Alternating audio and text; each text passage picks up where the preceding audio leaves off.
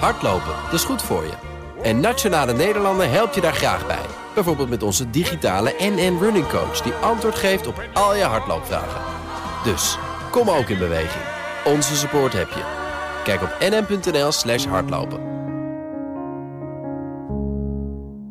Iedere woensdag is hier Marcel Beerthuizen van sponsoring adviesbureau Big Plans over ontwikkeling op het gebied van sport en economie. Vandaag gaat het over financial fair play in het voetbal. En de aanleiding is de straf die de Europese Voetbalbond, de UEFA, heeft uitgesproken over Manchester City. Auw. Marcel, moest er maar van Thomas. komen, hè? Financial fair play. Het gaat echt ergens over nu. Nou, eindelijk heeft, eh, heeft u even ook inderdaad eens een keer een straf opgelegd. Hè, waarvan heel veel mensen zeiden: zou dat ooit wel gaan gebeuren?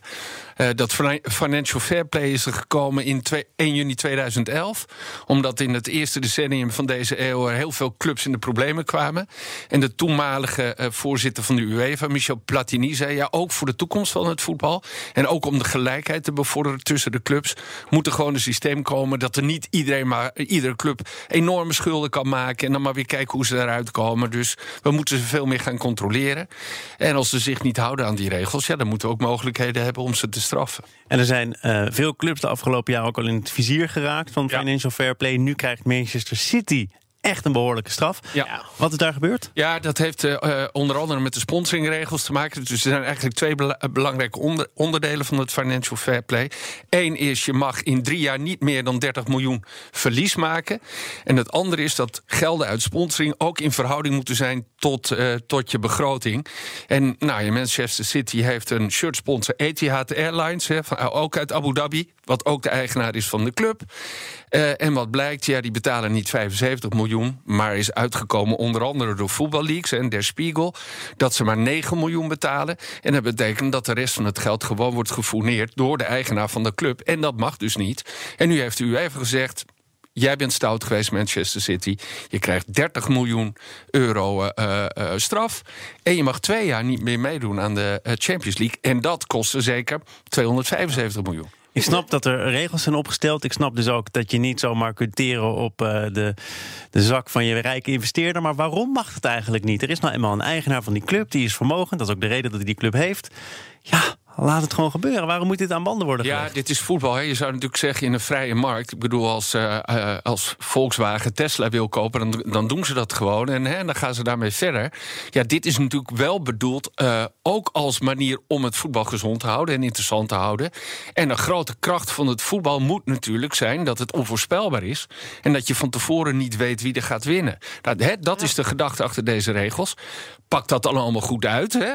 Nee, dat is niet zo. Want er is ongelijkheid. De rijken worden steeds rijker, de armen worden steeds armer. Ook omdat ze rijk worden via de Champions League. En daar is natuurlijk willens en wetens over nagedacht door de UEFA zelf. Ook de UEFA zelf. En, en, eh, dus het geld van de boetes wordt dan een beetje verdeeld over de rest van de clubs. Maar dat gaat natuurlijk per saldo helemaal nergens Maar was over. het sponsorship geweest van Etihad, dan was het geen probleem geweest. Nou, als ze dat 75 miljoen. volledige bedrag hadden betaald, dan was het geen probleem eh, geweest.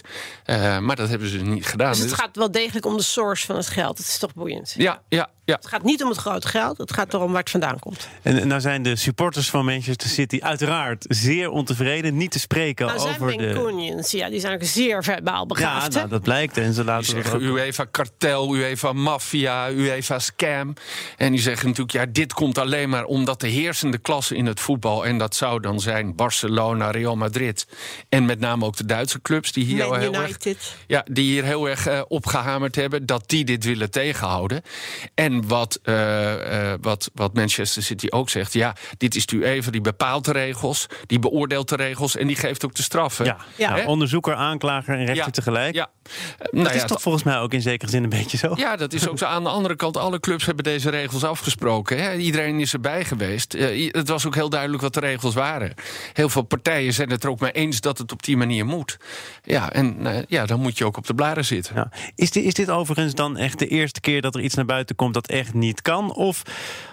valt er iets te zeggen voor het feit dat mensen dit opvatten als willekeur? Nee, het is al vaker gebeurd. Hè. Eh, Barcelona mocht twee jaar lang niet transfers Oh doen. ja, klopt. Eh, dat is bij Real Madrid ook gebeurd. City heeft al een keer eerder een straf gekregen.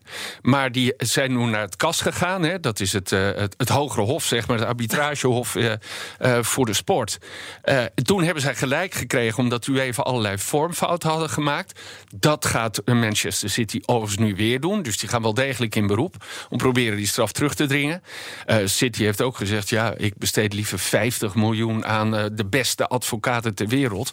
dan dat we hier genoegen meenemen. Ja, ze hebben natuurlijk een limited funds. Maar schat, schat de kant eens in. Ze hebben de vorige keer dus gelijk gekregen bij het kas.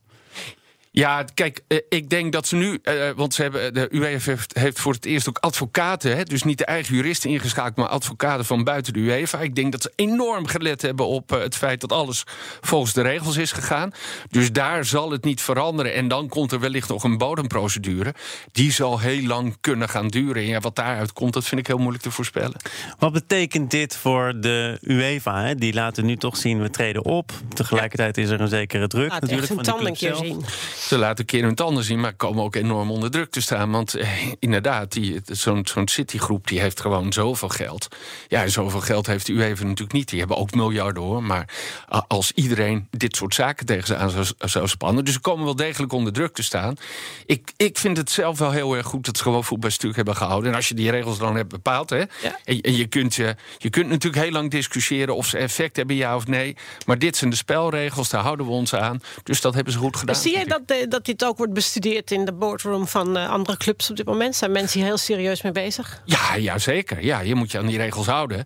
En, en het is natuurlijk ook zo, dat gebeurt ook altijd daar waar regels zijn, dat er ook heel veel mensen aan het nadenken zijn. Hoe kun je ze nou ontduiken?